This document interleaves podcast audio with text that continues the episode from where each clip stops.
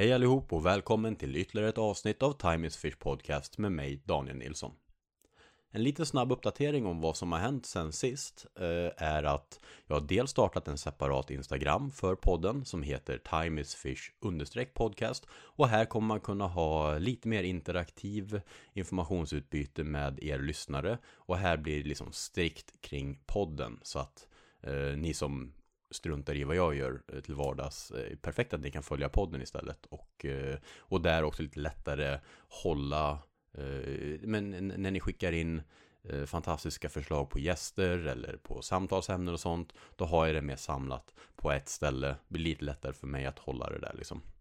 Och ni som har förslag till gäster och sånt skriv gärna i kommentarerna i Eh, Eh, på bilderna på Instagrammen istället för att skicka privatmeddelanden. För det är lättare då att sitta och, och sortera igenom utan att det faller iväg i massa privata meddelanden då.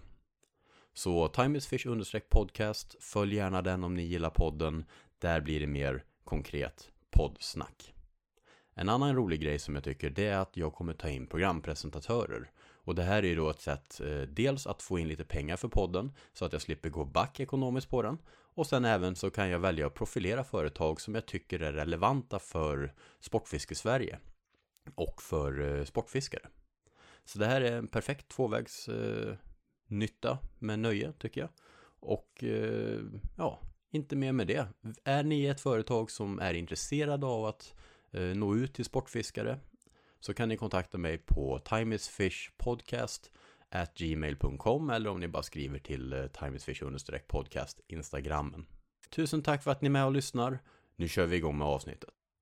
Det här avsnittet presenteras av Latitude 65 som är funktionsdrycker ifrån Norrland inspirerade av den svenska naturen.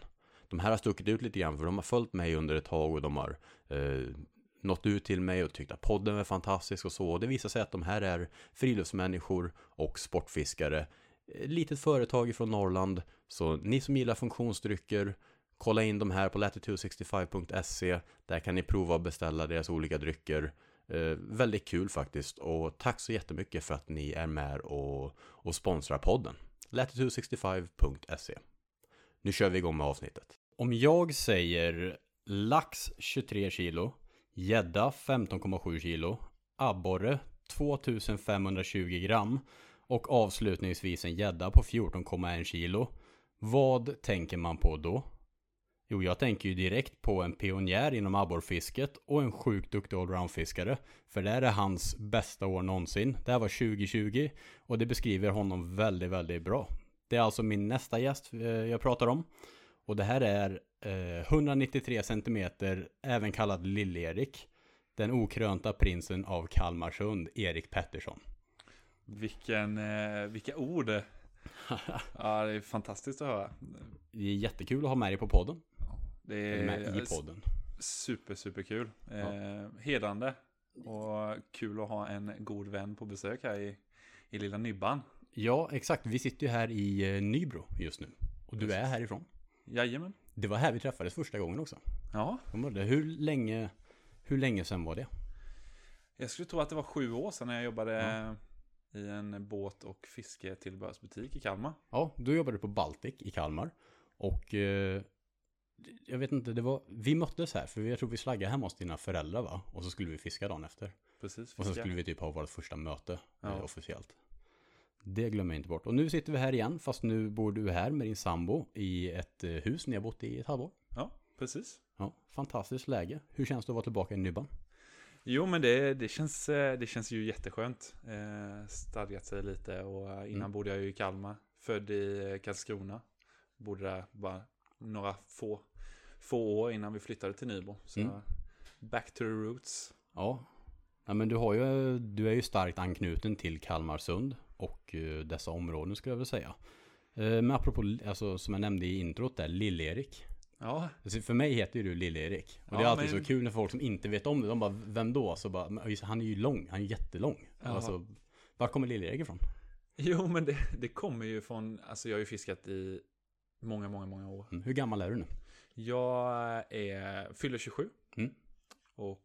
Vi blir eh, äldre, även ja, du. Jag blir, blir äldre, även jag. Nej, men jag började fiska väldigt, väldigt tidigt. Höll mm. på mycket med specimenfiske. Eh, framförallt mycket karp, men mycket artfiske.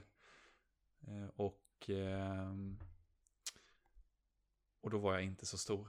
Mm. Smal och kort. Ja. Sen eh, kom man till tonåren och då eh, sköt man i höjden och nu är jag inte så liten längre. Nej, som sagt, 193 centimeter och fiskarna är nästan lika stora. Håller lite, när du pratar lite mer i mikrofonen, Ja. tror jag. Ja. Så får vi lite bättre ljud. Höjden på ljudet. Mm. Och just nu då, du eh, jobbar ju för ett företag som heter Thermoprodukter. Precis. Mm. Vad innebär det lite kort?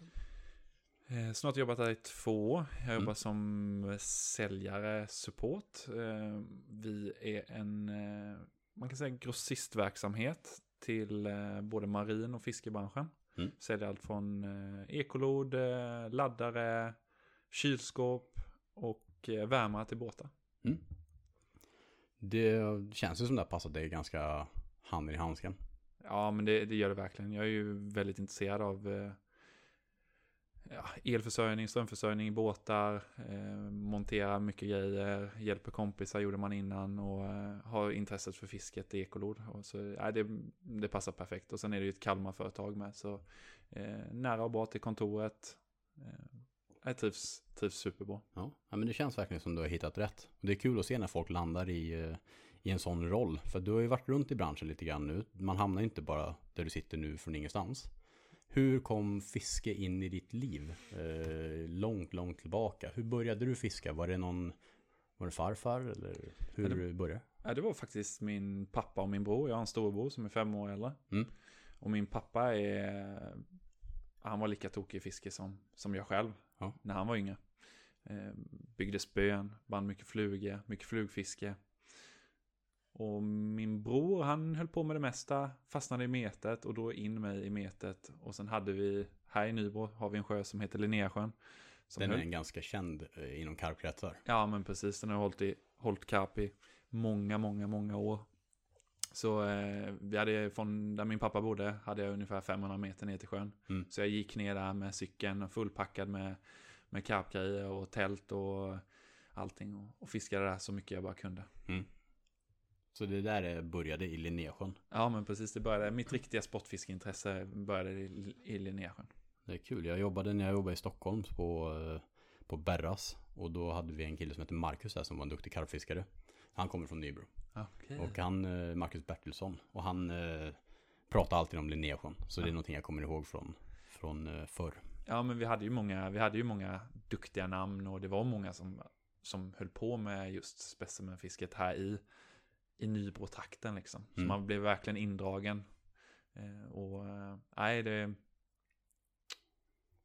Ja, nej, men det känns. Och sen, sen också, alltså hela det här området med Kalmar och allting. Det är ju ett gammalt specimen Ja, tillhåll. Med ja, men verkligen. Och allting liksom. Och mycket sikmete ute. ja men sikmete ute, Oskarshamns skärgård, eh, Mönsterås skärgård, abborrefisket, Hossmoån, Mm. Hagbyån, Brax i Hossmo. Eh, ja men det har varit, eh, verkligen finns, finns det mesta. Ja, det är ju verkligen en smältdegel. Och speciellt inom specimenkretsar för då. Hur, eh, hur kom du vidare med det liksom? Fisket började gro här. eh, Och sen liksom, vad gjorde du för att ta nästa steg liksom? Vad var det som fick dig att skjuta iväg?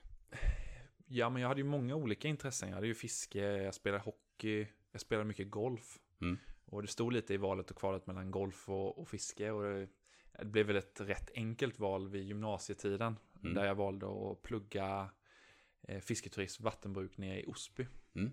Och det var ju lite, ja, antingen Forshaga eller Osby. Och det blev eh, Osby för det var lite mer mete och eh, kände, hade lite kompisar som gick där. Så Det är lite närmare här också. Ja men precis, och kunna komma hem på helgerna. Mm. Och det är väl ungefär där då som du började sen ta klivet emot eh, näringslivet också, eller hur? Ja, ja men precis.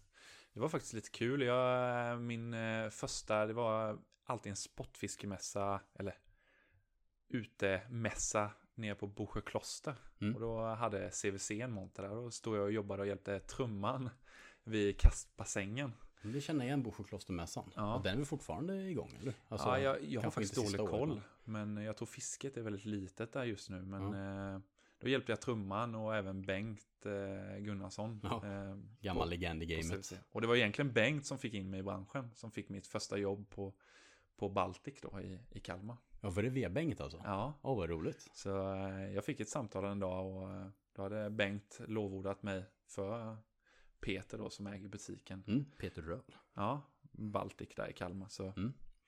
det var så det började. Så via skolan, mässan och sen Ja. in i branschen. Men det, är, det där är viktigt för folk som eh, kanske vill komma in i branschen och sånt. Alltså mässorna är ju ett bra ställe. Där började jag liksom eh, hjälpa till med eh, Berras liksom och gjorde, gjorde väl bra ifrån mig då. Och jag menar, det är många som jobbar i branschen som kanske började slita hårt på mässor när vi var yngre. Ja, Och eh, där kan man ju liksom visa framfötterna, visa att man är duktig. Och där kan man få upp ögonen för folk liksom. Ja, och det är lite roligt faktiskt för det är just på en mässa sen som jag fick mitt nuvarande jobb. Eh, Jag började hjälpa till på en mässa för termoprodukter. Ja just det, du stod uppe i Jönköping en gång vet jag, Ja. du hjälpte till det. Så Ja. jag jobb, hjälpte dem på mässorna i fem år kan man säga innan jag Mm. började då för två år sedan. Ja, du ser.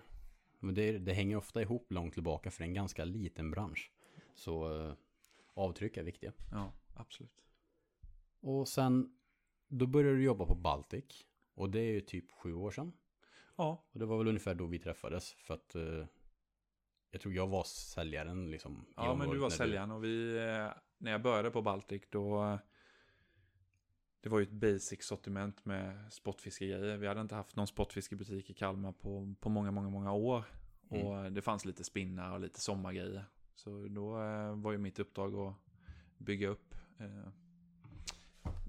ja, hela, hela sortimentet. Mm. Och det var då jag bokade in ett möte med dig. Och sen den dagen har vi haft kontakt. Ja, och det har varit kul. Det var för att jag har liksom fått eh, följa din resa ganska mycket också med eh, liksom hela din utveckling med abborrfiske och sånt och hur du har pendlat lite mellan metoder. Men det är just eh, abborrfisket skulle jag vilja säga som, som verkligen utmärker sig och har gjort under en längre period. Då. Men du har också varit lite anknuten till märken. Du har ju varit, eh, dels du, du, du fiskade liksom eh, lite med olika tag, men sen har du varit för Daiwa. Ja, Du har varit Precis. pro-staff för Daiwa i något år. jajamän. Mm. Eh, körde, tror ungefär ett och ett halvt, två år. Mm. Eh, och sen då, ja, tiden går snabbt nu men eh, strax över ett år tror jag så eh, har det varit eh, koppling då tillsammans med Söder Sportfiske. Mm, exakt, stora butiken Sportfiskeprylar. Jajamän. Ja, nej men det är kul att se. Om du så här, för många kanske verkligen vill ha eh, någon typ av samarbete. Många, eh, det, det, för, för vissa är det verkligen ett mål, liksom att få en sponsorskap och sådär. Du har ju haft flera samarbeten nu och sånt. Vad skulle du säga, är det så nice som man tänker sig när man kanske är yngre och sådär? Vad är det bästa med att liksom vara sponsrad? Om du ska tänka dig att det är bra för folk att höra, liksom. vad, vad kan man få Ja. ut av det? Vad, ska man, vad bör man sträva efter? Ja, men precis. Eh, Och det är en väldigt viktig fråga att lyfta. För jag kan tänka mig att många, många yngre som ser in i branschen Mm. Och ser efter någonting och jagar efter någonting. Det ska ju kännas rätt för sig själv. Mm. Eh, Man ska inte göra någonting som känns onaturligt. Och man ska ju trivas med det märket. Eh, Och det är ingen stress. Eh, Mm. Om man stressar fram någonting så blir det inte bra. Så använd de grejerna man tycker om. Och sen kommer ju, om man gör ett bra jobb och fångar fina fiskar, så kommer ju oftast automatiskt det med sig själv. Mm. Att eh, något märke ser helt plötsligt att ah, han fångar stora fiskar på, eh, på vårt bete. Ja, vad Mm. kul. Och sen någon hashtag hit och någon tagg dit. Och, ja, men gör ett gott intryck. Mm. Och många tror jag gör för mycket att man, man ska inte säga säljer ut sig själv, men att man, man gör ett, man, man sliter och glömmer bort själva glädjen till fisket. Mm. Utan fiska på, ha kul, använd det man trivs med och tycker om. Jättebra svar. Det, var verkligen något sånt jag ville höra. Det är viktigt Ja, eh, för folk jätte- att höra. Och, Jätteviktigt. eh, jag tycker det är viktigt att folk tänker på det. Att man ska aldrig glömma bort varför man fiskar. Man ska inte fiska för att få spons. Man, man kan bli sponsrad för att hjälpa en i sitt fiske. Absolut. Helt Och det, det är viktigt att förmedla. Och en viktig aspekt tycker jag att eh, om man verkligen vill jobba med ett varumärke, man verkligen tycker om det varumärket, man kanske liksom man är, man är bekant med produkterna och man fiskar bra med dem. Och sen kanske man får erbjudanden från något annat varumärke. Eh, hoppa in, alltså det är inte alltid bra att bara hoppa på det för att man kan. Nej, För, verkligen. för då bränner man broar istället och låser upp sig till det. Och då kanske liksom de man faktiskt är duktig på att fiska med och, och sådär, då kanske de liksom, ja men nu går det inte för nu kör jag han med det där och nu är han förknippad med det. Så det ofta begränsar det ju ens fiske. Jag har ju sett det bland Mm. liksom nära och kära eh, förr. Och det är alltid någonting jag pratat om att, att stressa inte fram någonting. Kör med det man tror på. Mm. Jag har sett för många hoppa på en tåg för snabbt så bränner de broar istället. För Ja. det, ofta är det duktiga fiskare eftersom de blir, eh, eh, ja men, eh, blir signade av någonting annat. Ja, Jag tycker att det, det, man ska ha lite is i magen och inte stressa fram någonting. absolut. Nu ska vi prata lite om eh, din resa med eh, abborrfisket. Ja. Den tycker jag är intressant. Vi börjar med hur, varför just abborre? Ja, men jag var ju som sagt, jag var ju en metare och jag älskade att meta. Så jag började bottenmeta eh, abborre. Jag fick ett eh, juniorkort i Hossmån. Mhm, mm. Och eh, min mamma och kompisar och äldre fiskekompisar körde mig dit och hängde med och vi åkte ner och, och bottenmetade abborre. Mm. Och det var egentligen vanligast i Kalmarsund. Det var eh, vissa ställen som man åkte och man, man metade abborre. Mm. Även i, i havet. Det var ju inte populärt med jiggfisket. Jerkbaitfisket efter gädda var, var stort och det abborrefisket höll sig lite i skymun- skymundan. Mm. Men Och- det har ju det funnits en stark kultur med just bottenmete va? Ja. Typ Raffshagen och sånt. Raffsagen och flötmete längs vassar. Och... Mm. Nej, så jag eh, gjorde mitt första pass och från första passet så fastnade jag väldigt mycket i det. Mm. Och eh, jag älskade ju att spinnfiska också. Jag var absolut ingen duktig spinnfiskare men man hade läst lite om det här med jiggfisket och vi började jiggfiska i, i eh, Hossmån. Mm. Och vi hade några fantastiska år där nere.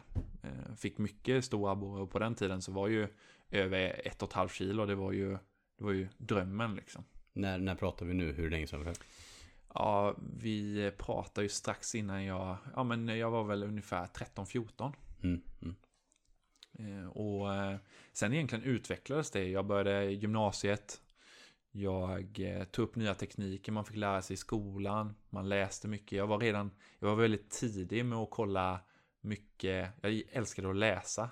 Mm. Allt från engelska tidningar från specimenfisket då som där de började prata om om eh, jiggfisket och annat och dropshot och, och sådana grejer som kom. Mm. Så jag började experimentera lite och, eh, och började spinnfiska egentligen 99% sen. Eh, Och det var nästan bara spinnfiske, spinnfiske. Och jag höll mig i, i något år i Hossmån innan jag skaffade min första båt. Eh, Och det var precis, kan man säga, när jag var, ja, det är snart tio år sedan, precis vid körkortstiden, så skaffade jag mig även en aluminiumbåt.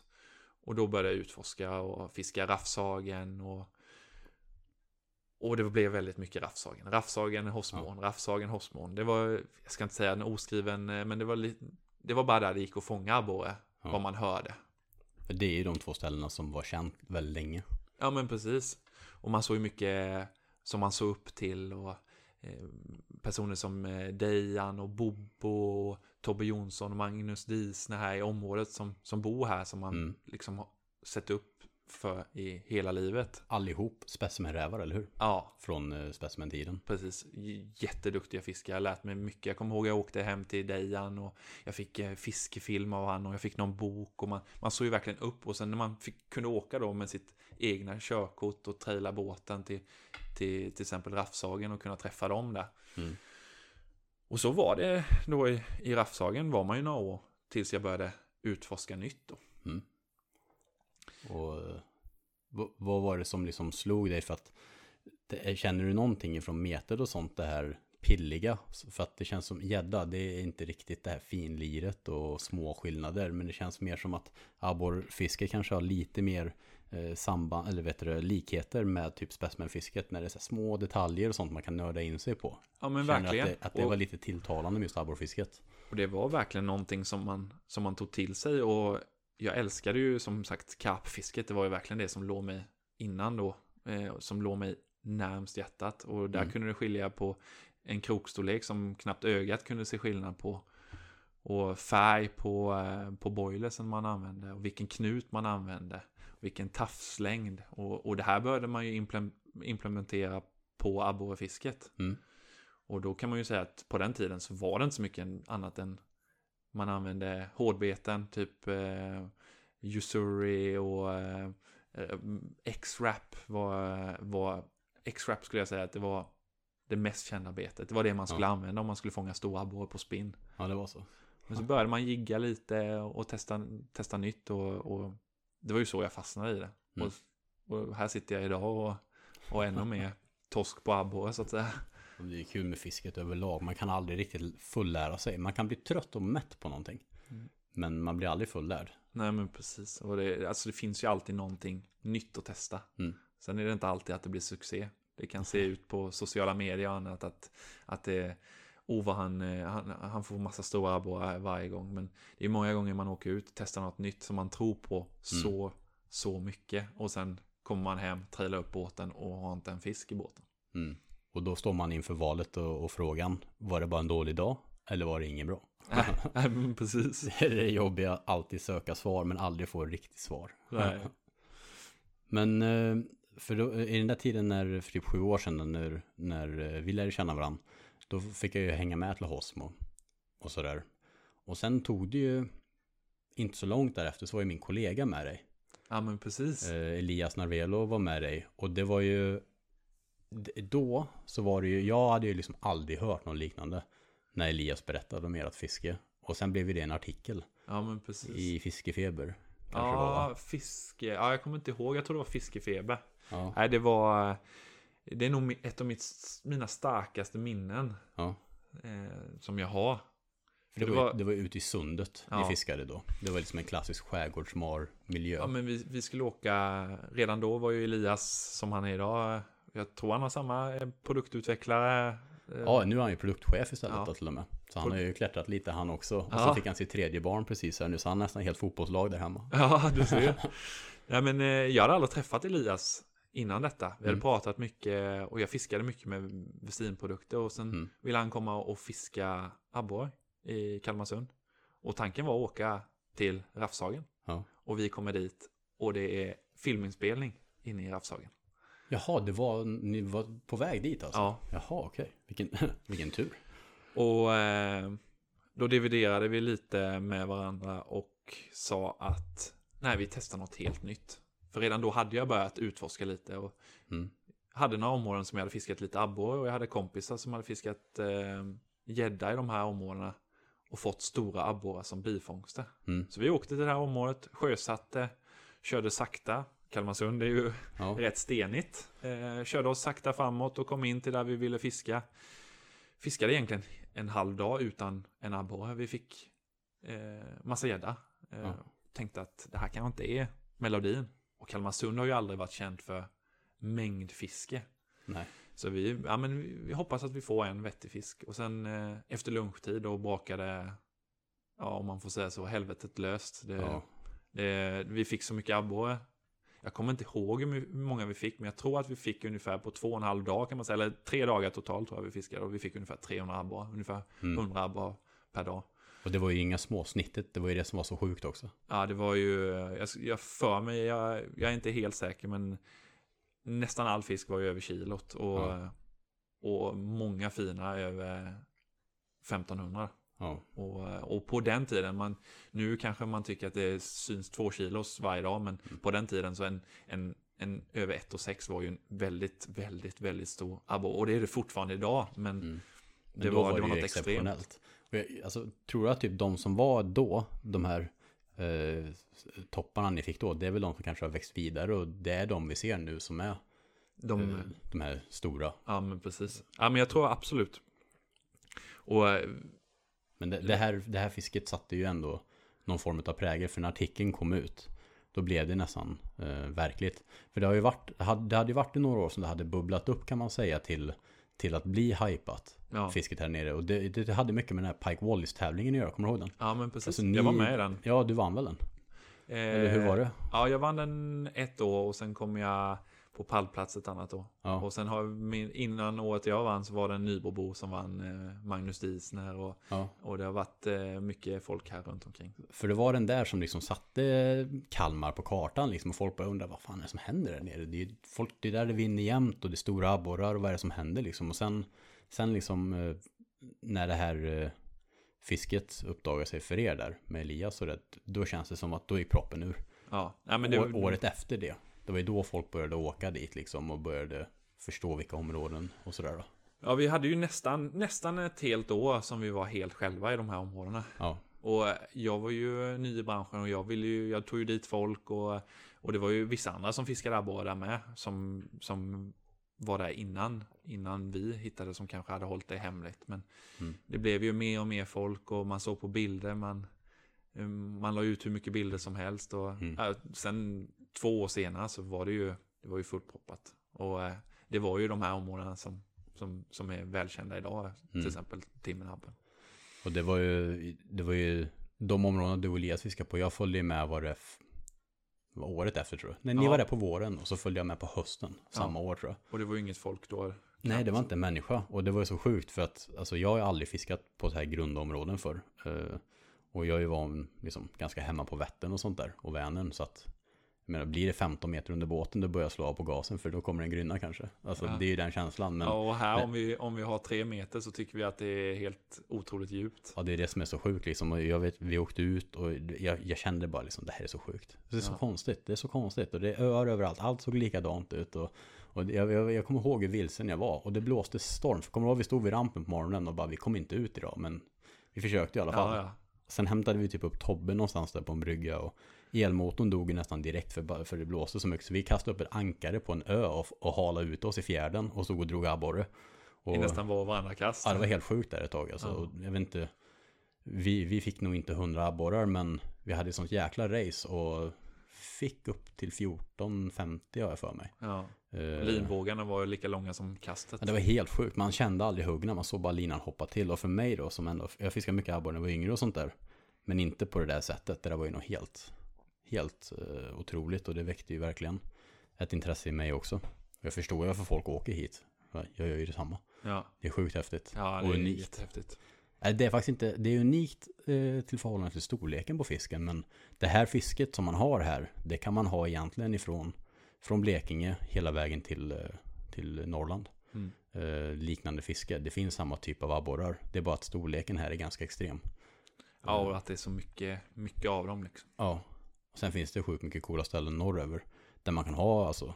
Runt Stockholm har jag fått fisk på nästan 1500 i sådana här miljöer. Och, och, och så liksom. Det ju, finns ju mycket coola ställen att fiska på. Så att det är ju viktigt att poängtera det också. Att, Ja, alltså, vill man lära sig det här fisket, ha kul med det här fisket och utvecklas.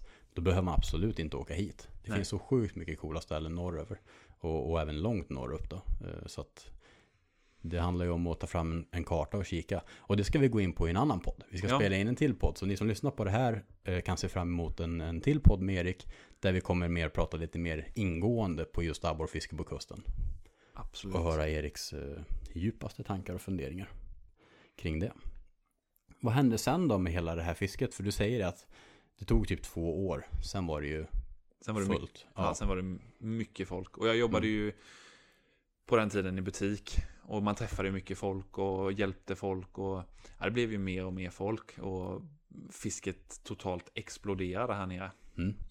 Och det blev egentligen värre och värre per år. Mm. Men så var det alltid några som stack ut och testade lite nytt. Och det kändes som, där gick vi från Hossmån och Raffshagen till att folk började breda ut sina vingar och testa lite, lite annat. Mm. Men det blir ju väldigt så att om någon hör att det är bra i, i den viken, då, då, då åker man till den viken. Ja. Och sen, sen väntar man på någon information och sen kommer det till en annan vik. Men, Mm. eh, och, och där, jag, jag körde ju på i de här områdena och fiskade på hårt och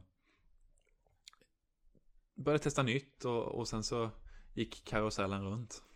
Och det är det som har varit med dig också. Och det är därför jag liksom vill eh, lyfta fram det. Det finns jättemånga som är duktiga på att fiska här nere. Och som har funnits här länge. Och folk som du nämnde förut som är äldre än dig. Som du har sett upp till och sånt. Mm. Men i, hittills, vad jag har sett och hört om, så har jag aldrig sett någon som på ett nyanserat sätt har eh, använt sin energi till att utforska så mycket, testa så mycket och sen också då med framgång, eh, precis som du har haft. Och det är någonting som, jag, som är väldigt värt att poängtera, eh, för du har verkligen lagt ner mycket tid och slit och det har verkligen lönat sig. Eh, men det är mycket tid bakom det. Ja, ja men ja, absolut. Och eh, sen har jag ju självklart vänner och vi är ju ett, ett, ett mindre kompisgäng som pratar om, om allt. Mm. Eh, bland annat har vi en person som tar över tjänsten efter mig, Adam Sundman, eh, Ja. på, på Baltic. Och Han är vi- lite doldis men fantastiskt duktig fiskare. Ja, en, eh, en, en av dem som jag skulle säga i min ålder som jag verkligen ser upp till i, i, i angående abborrfisket. Och där Mm. har vi en person av rang med, med taktik och annat. Det är jätte, jätteduktig, snäll, Mm. lugn kille. Och honom vi- hittar ni på Baltic då, om Ja. ni vill snacka med, med Adam Precis. Sundman. Baltic. Och det är, det är ju verkligen en butik nu så- som, som är specialiserade på abborrfisket, Kalmarsund. Om Mm. man har några frågor. Och, och nej, det är en fantastisk person. Men Mm. vi, vi var ju ett kompisgäng, ett mindre kompisgäng. Som delade mycket information och vi testade mycket eh, olika. Mm. Jag testade något ställe, den andra personen testade något. Och sen har vi ju pratat ihop oss. Och under 2020, 2019 och 2020 så, så eh, kan man säga att jag la de andra områdena lite bakom mig och, och tänkte lägga mer tid både på gädda men framförallt den tiden jag åkte ut och fiskade abborre skulle jag testa nytt. Mm. Och då hade jag så att jag hade en period där jag varje pass ville testa ett nytt område. Fast Ja. om jag hade världens pass på lördagen och fick hur mycket abborre som helst så skulle jag inte åka dit på söndagen utan det var så. Och då skulle jag göra så tio olika. Sen efter jag hade testat tio olika ställen så skulle jag gå tillbaka och testa något av dem som jag tyckte var hetast eller bäst. Det är en cool taktik. Och det var ju faktiskt då 2020, tidig höst, sen sommar som jag då fick på ett helt nytt område. Som jag inte hade hört om någon annan. Eh, visste inte ens att det fanns abborrar där jag fick mitt nuvarande PB på Mm. 2520. Och den jag var, nämnde i introt här. Det var ju verkligen en, en, eh, en fin kulmen på din abborresa. Ja, det Än var ju, och, och, och, och precis, och, och det året som var då 2020, att, att börja Alltså abborrfiske har vi pratat mest nu, men gäddfisket har ju stått mig nära. Jag fick eh, en eh, gädda på strax över 13 kilo när jag var, jag tror jag var 15-16 år, Mm. nere i eh, Lödå. Klassiska Ludå. Ja, första gången jag var där. Ja, det var första gången. Eh, ja, Oh, det var shit. första, första gången jag var där. Men eh, vi fiskade totalt, jag och Daniel tror jag, vi fiskade nog i sju eller åtta dagar. Och det var på sista dagen jag fick den. Det var min enda fisk jag fick. Ja, det är det. Alltså folk ser en sån där bild och så... Så det är mycket tid bakom en sån Ja, gädda. precis. även om det var första gången du var där, men det är fortfarande sju dagar. Ja, och sen, sen den stora gäddan så har jag alltid också bunnit för gäddfisket. Så, och att då början på 2020 få gäddan på 15 och 7 Mm. och sen eh, laxsäsongen som jag är laxfiske egentligen eh, åkte ut och köpte upp med grejer och trolling utrustade min båt och tänkte att nu ska vi testa något nytt. Mm. Jag hade trollat lax med kompisar av skolan som jag gick på men jag tänkte liksom att nu vill jag testa det här själv. Och få den laxen på, på strax över 23 kilo. Det var ju, det var ju också en helt, helt galen början. Ja, det är en sjukt stor lax. Ja, det var helt, helt, helt, helt galet. Ja, och den tog på dipsy, eller vet du, på en på djuprigg så det var liksom ingen, ingen kraft på linan heller. Ren, ren lina, bara fight alltså. Ja, precis. Nästan två timmars fight. Det Ja. var, nej, vi, det, nej, det var jättehäftigt. Och det är också något fiske som jag fastnat för. Och nu, jag börjar ta upp det här, egentligen lagt mer tid, kanske detta året, på, på lite gäddfiske och, och eh, nej, jag, jag tycker om att, att sätta mål, men sen blir jag inte besviken om jag inte når dem. Men Mm. det är alltid kul att ha någonting att sukta efter. Och sen se fram emot nya grejer. Efter man har testat eh, att jag vill fiska abborre i den insjön och fånga en abborre på 1,2 kilo. Om jag inte får den så kan jag ändå gå vidare till nästa. Ja, men nu testar vi detta. Mm. Och så får man planera säsongen efter det genom att det är många olika arter. Så på våren är det gädda, sen blir det lite gös, sen blir det lite lax och sen så på sommaren blir det lite abborre igen, lite gös och sen det rullar det på så, så försöker man prioritera Mm. art efter säsong. Det är det som är så fantastiskt med fiske att, att året är väldigt långt och det är olika bra hela tiden för olika arter så att så för mig också är det viktigt att variera mig under året.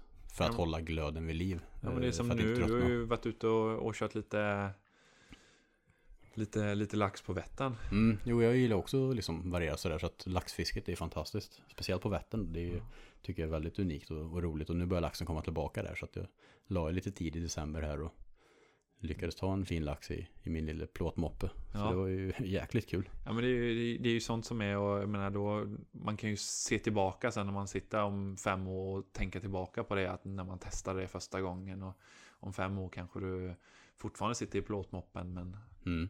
men den resan som har varit fram tills dess. Ja men som nu när man ser tillbaka på alla de här abborrgrejerna. Alltså det är ju det är ju häftigt. För nu sitter vi ändå med facit i hand liksom. Ja. Så, så har man liksom följt utvecklingen. För som sagt, jag har fiskat här en, en del och sånt. Men jag har ju varit mycket eh, åskådare bara till, till dig och de här du nämnde då, dina vänner som du fiskar med. Man har ju sett er alla utvecklas. Och följt det som, som, eh, som någon form av hockeymatch nästan. Alltså titta på liksom och lärt sig. Det är ju bara att kolla liksom första gången vi fiskade tillsammans. Ja, Hosmo, men eh, när vi sprang runt i Kalmar stad och fiskade i hamnen och i Mm. de här små bassängerna som blir. Och vi fick ju abborre. Ja, ja. Vi fick ju fick fina man. Och det var ju Jag kommer ihåg när det var när ring, ringtisen skulle släppas. Ja, just det. Det var när jag provade den. För, för butiken där nere ligger precis jämte eh, hamnen som också är bra abborrfiske ibland. Och, och sen eh, kanalerna där så sprang vi ner bara ha- eh, under mötet och drog några abborrar. Ja, det, Bra sätt att testa produkterna på. Eh, men sen det här med, som du nämnde förut, det är mycket folk här nere. ja. Mm. Om man ska se, se det lite för vad det är, för att det, det, gnälls ju en del. Eh, det blir ju lite skav. Dels, jag, jag är ju inte här nere på vårarna längre just för att det är så himla mycket folk och tycker det känns lite så här. Jag, jag, jag tycker inte det är så nice. Så jag håller mig fiska andra ställen och så då. Eh, vad, vad tycker du om det som blir liksom? Att det blir så här vallfärdning? Ja, Men jag förstår ju det mycket väl. Mm. Eh, Jag är ju själv Jag själv fiskar på Vänern. Jag själv Mm. fiskar på Vättern. Jag själv fiskar, åker ner till Lödde och fiskar. Jag åker och fiskar. Men jag försöker alltid ha i bakfickan mitt lilla egna. Mitt lilla egna tänk och Mm. Och eh, det är ju jättekul att folk får uppleva detta som vi har. Eh, Och nu är ju fisket begränsat i Kalmarsund. Vi har ju en fredning eh, på våren. Ja, berätta in- lite om fredningsperioderna nu, för nu är det lite nya regler. Det kan vara bra att nämna liksom, för i år 2022 och så är det lite nytt. Ja, men precis. 2022 eh, så är det ju nya regler. Mm. Och det, vi märker ju att det är, har inte informerats tillräckligt om detta. Vi märker ju, jag hör folk och ser på Facebook att de planerar turer ner i mars. Men nu är ju förbudet redan från första mars till sista maj så får man inte fiska gädda och abborre i Kalmarsund. Mm. Och det sträcker sig hela vägen upp till nästan till Oskarshamn. Ja, Emåns mynning kan man säga. Ja. Ner till Blekinge. Så då får man inte fiska någon abborre eller gädda. Mm. Och eh, innan det, även mellan januari och februari, så har vi vissa utökade som längst in i Timmernabben, Mönsteråsviken Mm. och vissa andra eh, viktiga vikar som, som har ett utökat förbud. Och detta har vi haft i många, många år. Det är, det är väldigt speciellt att ha ett sånt här förbud som vi har. Det, är, Mm. det har funnits i, i lång tid. Sen också så här, Smältevik också uppe, kallas även för Vånevik. Ja, precis. Är ju fredat, totalfredat året om fram till 2027 va? Ja, Och sen har vi vissa åar som det är fredat vid mynningarna, eller hur? ja men precis. Snärjebäcken eller vad är det? Eh, ja, nej. men det finns ju Snärjebäcken, Hosmo, nästan egentligen alla strömmande vattendrag eh, som är lite större än ett dike. Det är, ju, Mm. Ja. det är ju fredat. Okej, ja. Eh, och framförallt från hösten till maj kan man säga. Från oktober till maj Mm. brukar de vara. Och det är framförallt havsöring som ska gå upp och leka och, och lite annat.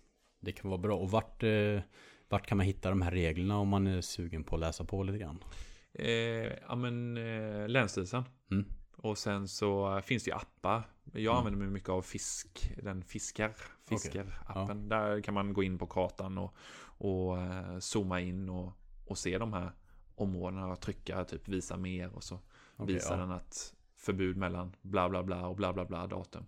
Okej, ja men det är bra. Ja, Så, för det är som sagt, det är bra att veta för folk som ska ner att det är, det är lite nya regler nu. ja men precis. Ja men för det är ju stenkoll så fort förbudet slår in så, Mm. så går ju ryktena om en båt ligger där ute och det är ju det är jobbigt om man av okunskap åker ner och, och blir tagen för tjuvfiske. Det är ju rätt många som fiskar som, som faktiskt bor i anslutning till vikarna och sånt. Så att det, det syns rätt tydligt om, om man är fel ute. Ja, precis. Men det här trycket som är då, hur känner du att abborrarna har tagit det? För att någonting som känns med abborre är att de klarar hårt fiske ganska bra. Då har vi ju så här sett i, i Danmark har det varit väldigt hårt fiske i det här Vejleå och de områdena i många år. Och det är fortfarande väldigt, väldigt bra fiske. Samma här, det är ju mer och mer folk som fiskar. Men fisket har ju, alltså det, det känns som de klarar det väldigt bra ändå om man ska se det så. Ja, men de klarar det bra. Och sen, eh, vi har ju faktiskt eh, många duktiga som sitter i Länsstyrelsen och på sportfiskarna här i området som håller på att kolla på detta och studera och så vidare. Mm. Jag är absolut ingen expert, men eh, abborren eh, påverkas absolut. Och framförallt är det mycket för båtåkande tror jag. Just genom att vi har så grund skärgård. Mm. Att kanske leken påverkas. Men jag tror inte fisken i sig, att den inte ska hugga på din jigg. Men jag, jag tror att leken kan påverkas av, av fisketrycket. Mm. Och abborren lär sig likt bäsen i USA. Och att om man kollar till hur många båtar som ligger i en vik och hur många fiskar som kommer upp. Så om man går tillbaka några år så fick man ju mer fisk. Mm. Men storleken, de har ju bara gått upp. Jag menar om du sa till mig liksom att det skulle simma flera abborrar runt 2,5 kilo Mm. i de här vikarna. Då skulle jag ju, alltså när man fick en på 1,8 det var ju något helt extremt. Det känns inte det lite som att det är Alltså det blir ju färre fiskar, de är större Men det är ju en naturlig utveckling att fiskar dör ju av ifrån populationen också Ju äldre de blir och ju större de blir Så att det blir lite färre fiskar till slut Men hur känns det med återväxten och hela den biten? För man fångar ju ganska få små abborrar Även om det känns som det ökar lite sista åren Precis som det sista du säger så, så känns det som det har ökat de sista åren. Ja. Eh, I alla fall, eh, men det känns lite som man får mer av lite mindre fisk eh, sommartid och sen eh, sommar, tidig höst. mm. Men eh, absolut att vi får mer mindre abborrar än vad vi fick för något år sedan. Mm. Sen tror jag mycket det är att vi fiskade inte den tiden så hårt, kanske sommar, sensommar, tidig höst. Det Men, såklart eh, men det är fortfarande lite oroväckande att, se, alltså om du fångar 20 abborrar så Mm. är det ju mest troligt 18 av dem över kilot Ja. och två av dem under. Och det är väldigt sällan du får en 3 hektars abborre här nere. Och Har det gjorts någon eh, kontroll på det där att, att, eh, att abborrarna kanske är utomskärs och växer upp mer? Eh, att de faktiskt rör sig ut efter de är kläckta och börjar komma upp i storlek så att de lever utomskärs då? Jag tror att eh, i frågan att, eh, att man har väldigt lite ren fakta. Mm. Sen eh, har jag hört mycket olika hypoteser och, och teorier. Vi träffar ju en del yrkesfiskare och jag känner en del som har fiskat i alla år. Och Mm. lägger nät långt ut och fångar efter havsöring och annat. På yttre skär och de kan, de kan ju ibland eh, berätta att de, ah, i, igår kväll var jag och vittjade nät och fick 200 abborrar, ingen över 2 hektar. Mhm. Och ute på 6 meters djup. Så visst, visst finns det fisk som vandrar ut. Mm. Men eh, det är ju ingen som åker ner till Kalmarsund och fiskar abborre djupare än 5 meter. Det är ju väldigt få som har testat. Mm, det. Eh, och det finns ju någonting där att utforska. Så den som har tid och eh, åk och lust. så eh, absolut så tror jag att det, det finns en, en till nöt att knäcka. Mm. Eh, Men ni har ju knäckt, eh, du och några till har ju verkligen knäckt den här nöten med sommarabborren. Ja, Eh, för den, den som du fick på 2520. ja Ja, precis. exakt. Den, det var ju en sån. Eh, alltså den är ju inte inne i grunda vikar. Det här Nej. är ju under sommarperioden. Och det är ju någonting som är sjukt häftigt. För det har ju varit lite så här. Folk har tänkt på, innan liksom, vart är de på sommaren och sånt. Mm. Men det ja, har ju men- ni knäckt. Och det var ju, och egentligen, du fick ju vara med ett av de första, du fick vara med andra året när vi testade detta. Ja, just det. Ja, vi provade lite grann där. Eh, och det är ju några år sedan nu som vi började testa detta. Och bland annat en som också är lite pappa till detta. För det, det, vi var verkligen få som höll på med detta fisket. Mm. Och det var egentligen jag och, och Adam Sundman som, som jobbar i butiken som jag sa. Mm. Eh, som började testa oss fram. Och han hade en liten eh, plasteka som låg i, han bodde precis vid Raffshagen. Och vi började åka ut och testa ställen runt omkring. Och testa längre och längre ut. Och, men vi hittade ju vissa vissa koder eller vissa grejer som, som, vi, som verkligen stack ut. Där Mm. vi fick fisk på sommaren och även stora fiskar. Jag kommer ihåg första året fick jag och Adam någon på jag tror den var strax över 1 och 9 Eller strax under 1 och 9. Men den var typ bara 45 lång. Och vi trodde att fisken inte hade lekt. Och, ja, den var så tjock så vi... Men den hade ju bara en massa fisk i sig. Alltså den hade ju käkat upp sig direkt efter lek. Och den var, den var så groteskt och sen har det ju bara spunnit vidare. Samma Ja. sak som det andra jag pratade om med, med grundvattensfisket. Så har man liksom spunnit vidare, testat nya områden. Och Mm. samma sak där. Så även nu i år så kommer ju hypen på detta. Ja, det är ju därför vi också kan prata lite öppet om det nu. För att nu, Nu, det har ju varit lite, lite locket på åren innan. Eh, ja men precis. Men nu, nu är det ju, nu har ju den proppen gått också. Eh, så det är ganska, Ganska ganska mycket, känt liksom. my, mycket folk också. Ja, Men det är, det är ju fortfarande så att om du ska fånga en, en riktigt stor, en tungviktare så är det ju det är ju på vår och höst som, som de fångas. Men självklart kan du ha ett fint, fint sommarfiske med. fånga fisk på två och ett halvt. Ja, precis. Men det är ju häftigt och det Ja. är också Jag tror att det är bra det sommarfisket därför att Det tilltalar kanske en annan typ av fiskare För det är mycket aggressivare och Fiska snabbt kanske med större bete många gånger och sådär Mm. eh, Jämfört med det här långsamma pillfisket med småbeten i vikarna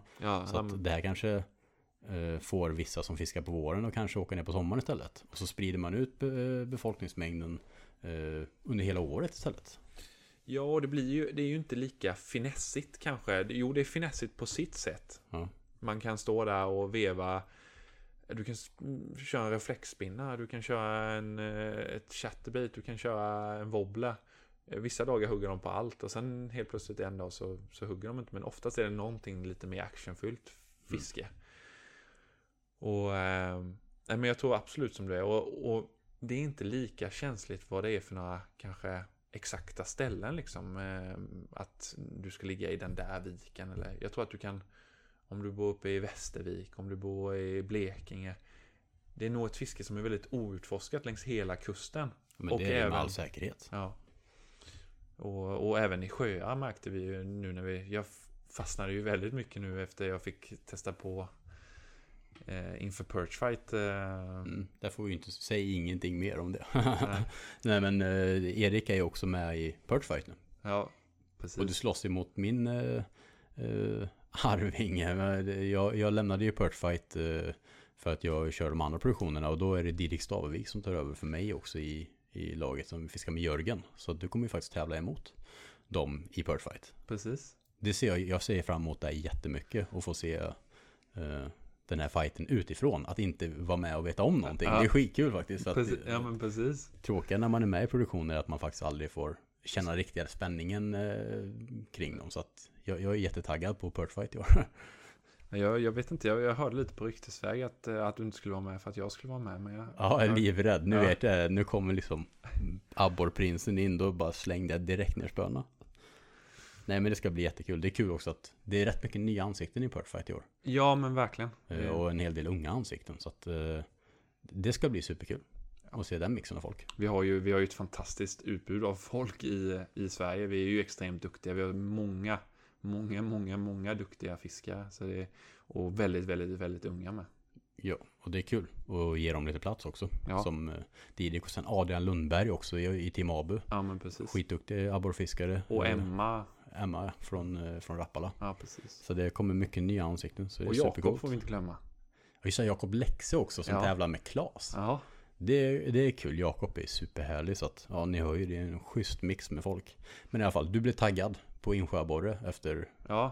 Och där fick jag ju liksom testa på lite sommar, eh, sommarfiske. eff- Alltså innan, innan och efter har man liksom experimenterat lite med det där också. Och där Mm. hittar man ju saker som man använder sig av Kalmarsund som man inte kanske hör så mycket om i insjöfisket. Mm. Och så fick jag ju testa på nya grejer.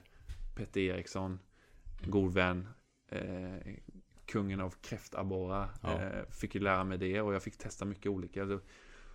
Och det blir ju det här när man träffar annat folk och fiskar med andra. Man, ja, jag suger ju åt mig vissa grejer. Mm. Och försöker anpassa det till mitt fiske. Och, Och- och, det, och det där är ju- det ska man göra. Och det är ju, det är ju mycket svårare i till exempel gäddfiske. Du står, alltså det, det är oftast väldigt liknande. Mm. Visst att du kan eh, tänka i, i eh, vart du ska fiska och sånt. Men just i betesval så finns det ju alltså så många olika. Om någon hade sagt till mig 2014 att jag skulle stå och fiska med en eh, rigg som heter Carolina Rig. Då eh, hade jag ju lite skrattat åt den personen Mhm. liksom. Och vad, vad är det där? Eller Ned rig. Var, det, det var ju ingen som Talkie rig. Alltså det, det finns ju hur mycket som helst. Det är det som är Eh, spännande. Ja, och, eh, och i USA är de ju som galna. Så det är, vi, vi bara suger åt så, oss information, fakta.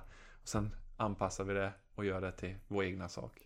Det är det som är kul med de här produktionerna. Och det är inte bara produktioner men det är tävlingar i övrigt. Eller att man förflyttar sig och fiskar nya vatten är att man lär sig så mycket. Ja, Och jag tycker tävlingar är kul för att då tvingas man att lära sig. Mm. Alltså man kanske har två dagars rek och sen en dag tävling. Och reket bildar man sin uppfattning. Tävlingen, då ser man liksom att även om man har själv dåligt fiske är det fem, sex lag. Det är alltid någon som lyckas knäcka koden. Det är alltid någon som lyckas ha bra och då ser man så himla tydligt när man är ute privat och fiskar. har man en dag när man liksom, man får ingenting. Shit vad dåligt fiske det är idag. Men då vet jag att hade det varit fem båtar till där som hade tävlat. Då hade någon haft bra fiske. Mm. Så att då vet man att det går. det, det går. Ja. Det, det, det är bara att fiska bättre. Ändra någonting. Fisk, fiska på ett annat sätt. Någon, på något sätt så går det att fånga fisk. Och det är de här produktionerna ett tecken på. För att det är nästan aldrig så att alla lagen, har- alltså alla lagen kan vara segt. Men det är alltid någon som lyckas bra. Ja. Eh, Ja men det är, det är ju verkligen så. Och det är ju samma sak i tävling. Man kan, man kan höra att ja, det är så segt och det är segt och det är segt. Och vi har en tävling här i Kalmar, Balticadan. Och man, man går där och ja, vi har bara fått tre på 80 och ja, vi fick inte en godkänd fisk. Och sen så är det helt tyst och så presenteras vinnaren. Så har de fått tre stycken över metern och två 90 fiskar och vinner stort med typ 40 centimeter. Och liksom knäckt en kod, gjort någonting Mm. 100% rätt. Och då är det på samma områden som alla andra har kört med också. och Samma premisser. Så att Ja, ja det går alltid att fånga fisk. Det är, det är det som är lite jobbigt. Ja, Att när man har en seg dag, då kan man alltid stanna upp och tänka att, att det är bara jag som suger idag. Så, så är det bara. Jag har bara mig själv att skylla. Någonstans är de och någonstans äter de och på något sätt äter de. precis. Det är bara att jag är för dålig för att hitta det sättet just nu. Hur... eh, För det är ju så som du sa där också, att du åker också runt och fiskar mycket. Eh, Och jag, jag gör ju detsamma.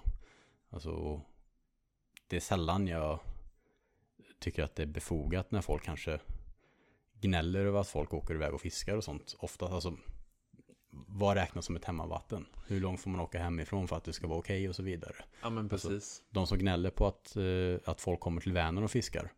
Många av de som jag ser gnäller på det.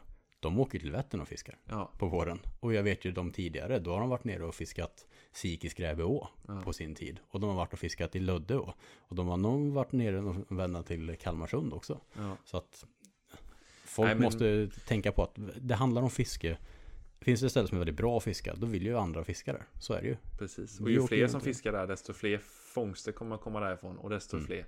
Så det, det är ju en balansgång som är, eller det är ett, ett gnäll och kanske en diskussion som är oundviklig. Ja, Sen är det, det viktiga att sköta sig när man åker iväg. Och det är en Ja. viktig punkt som jag tycker att vi ska ta upp när vi ändå pratar om Kalmarsund. Alltså det är ju, det är ju känsliga områden och eh, om, om du behöver betala en ramp, fast att om du tycker att det är för dyrt med 100 kronor så, så måste du betala 100 kronor. ja, det finns inga alternativ. Nej, då får du annars åka och sjösätta på en annan ramp. Mm. Och om du tycker att deras regler är fel, att du måste koppla bort kärran och ställa den bredvid. Så får, du- ska inte traila i där, så fall ska du ta en annan ramp. Mm. Och sen Och- också där när, det är så mycket folk så är det extremt viktigt att vara övertydlig. Ja. Ibland är det ofta bättre att kanske stanna och ropa bara hej är det okej om jag åker på den sidan av dig? Alltså Mm. för att eh, det, det blir ju skav liksom. Och det, det är där jag är lite, jag tycker det är lite jobbigt när det, därför jag har hållit mig härifrån de sista Ja, men tre åren liksom. eh, Ja, men det blir ju, eh, alltså jag har, ett, eh, jag har flera exempel där jag har stått och ska traila i och jag ser folk som har fiskat i kanske två dagar och de har skräp på sig i båten och de lyfter ur den ur, ur båten och, och ställer den bredvid rampen och tror att någon annan ska plocka upp den. Och sen nästa gång de kommer till rampen och den är stängd så tycker de det är konstigt varför rampen är stängd. Mm. Och så blir det ju tyvärr på fler och fler ställen att, att, att det stängs. Kanske Mm. inte för att vi, vi skräpar ner eh, överallt, men att man... Jag, jag kan förstå själv om du har köpt ett hus vid, vid eh, en fin vik och du eh, har en ramp eh, 100 meter bredvid och du har inte en aning om att eh, varje lördag så kommer det stå 50 båtar i kö och ska traila i sin båt. Nu Mm. kanske jag överdriver lite med 50 men Ja. du förstår, förstår grejen. Jag, jag kan ju förstå att det blir en irritation och då är det väldigt viktigt att sköta sig. Ja, och det är ju så att hur det än är med fiskar och sånt, alltså vi, vi sitter ju lite klyschigt i samma båt allihop. Vi alla gillar att fiska så att, och man bryter inte reglerna mot att åka runt och fiska så försök att bara, om man sköter sig och visar respekt, heja på varann och så vidare. Det, det är inte så svårt. Jag tror, jag tror inte det är så farligt det här. För det här med att folk vallfärdar, det, det, ibland framstår det som någonting nytt. Mm. Men jag tror bara för att man i dagsläget så ser man vart alla fiskar. Ja, på nätet. precis. Vart, du- vilken, alltså är du på en, en torsdag och det är fint väder i mars. Och du ser det abborrar överallt för att folk är i Kalmar och fiskar.